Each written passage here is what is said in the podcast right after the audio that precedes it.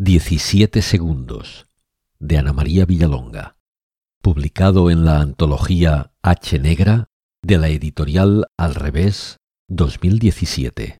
Grabación en veu alta. Bajó con cautela las escaleras del metro. Bolso en bandolera, pantalones vaqueros y un abrigo gris. Ningún detalle llamativo, no quería que se fijaran en ella. Con diligencia se apostó discretamente en un extremo del andén. Tomar la decisión no había sido fácil, pero sabía que sin actuar no podría continuar con su vida normal. Había pasado un montón de noches en vela, sufriendo, llorando, debatiéndose entre la vergüenza y el dolor. Al principio la torturó la culpa, y si ella misma, sin darse cuenta, había alimentado a la bestia. La idea casi la destruyó. Sin embargo, a medida que la bestia continuaba degradándola, comprendió que no. La bestia era la bestia, el animal desalmado y culpable, el odioso cabrón. Fue entonces cuando se decidió. Necesitaba liberarse, escapar de las tinieblas. Solo así podría sentirse digna y entera. Solo así podría renacer. Lo vio aparecer con su porte de siempre. Ropa de diseño, la frente alta, andares de triunfador. El andén había ido llenándose de gente. A esa hora punta el metro bullía de actividad. Un músico ambulante tocaba desmadejadamente al fondo de la estación. Llevaba un extraño instrumento de cuerda, una mandolina, una bandurria, un ukelele quizás. Ella apartó la mirada, no podía distraerse con tonterías. Inspiró profundamente y expulsó el aire con lentitud. La concentración, ahora que se acercaba el momento cumbre, resultaba esencial. Había sabido aguardar con paciencia. Conocía sus costumbres y tenía claro que no podía precipitarse. Nada podía dejarse al azar. Por eso esperó a que llevara el coche al taller. La puesta a punto, el cambio de ruedas, la limpieza a fondo. Cuidaba muy bien de su BMW el puto cabrón. Lo consideraba una prolongación de su potencia, de su virilidad.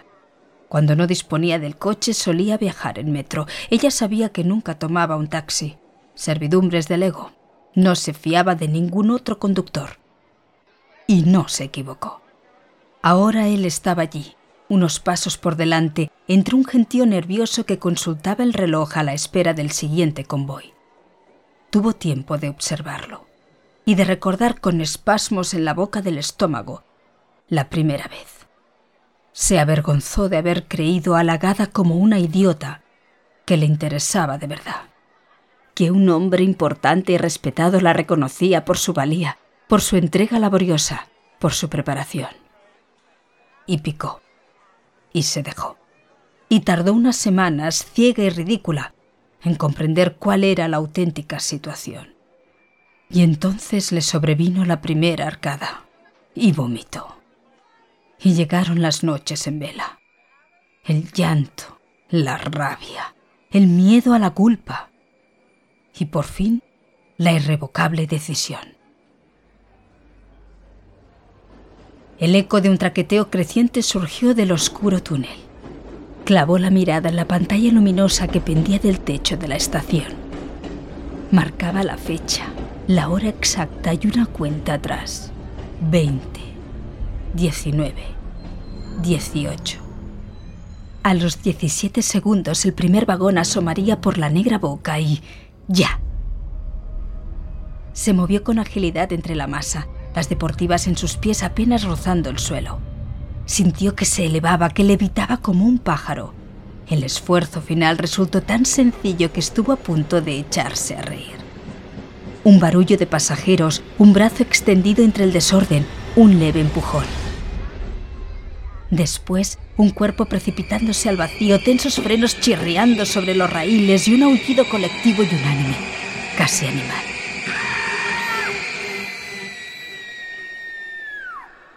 Exultante, salió a la calle.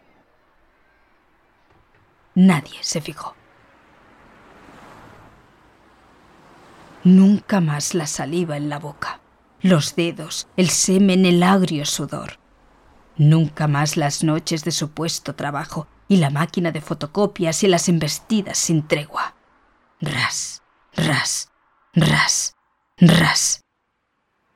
Le gustaba ese ritmo al puto cabrón.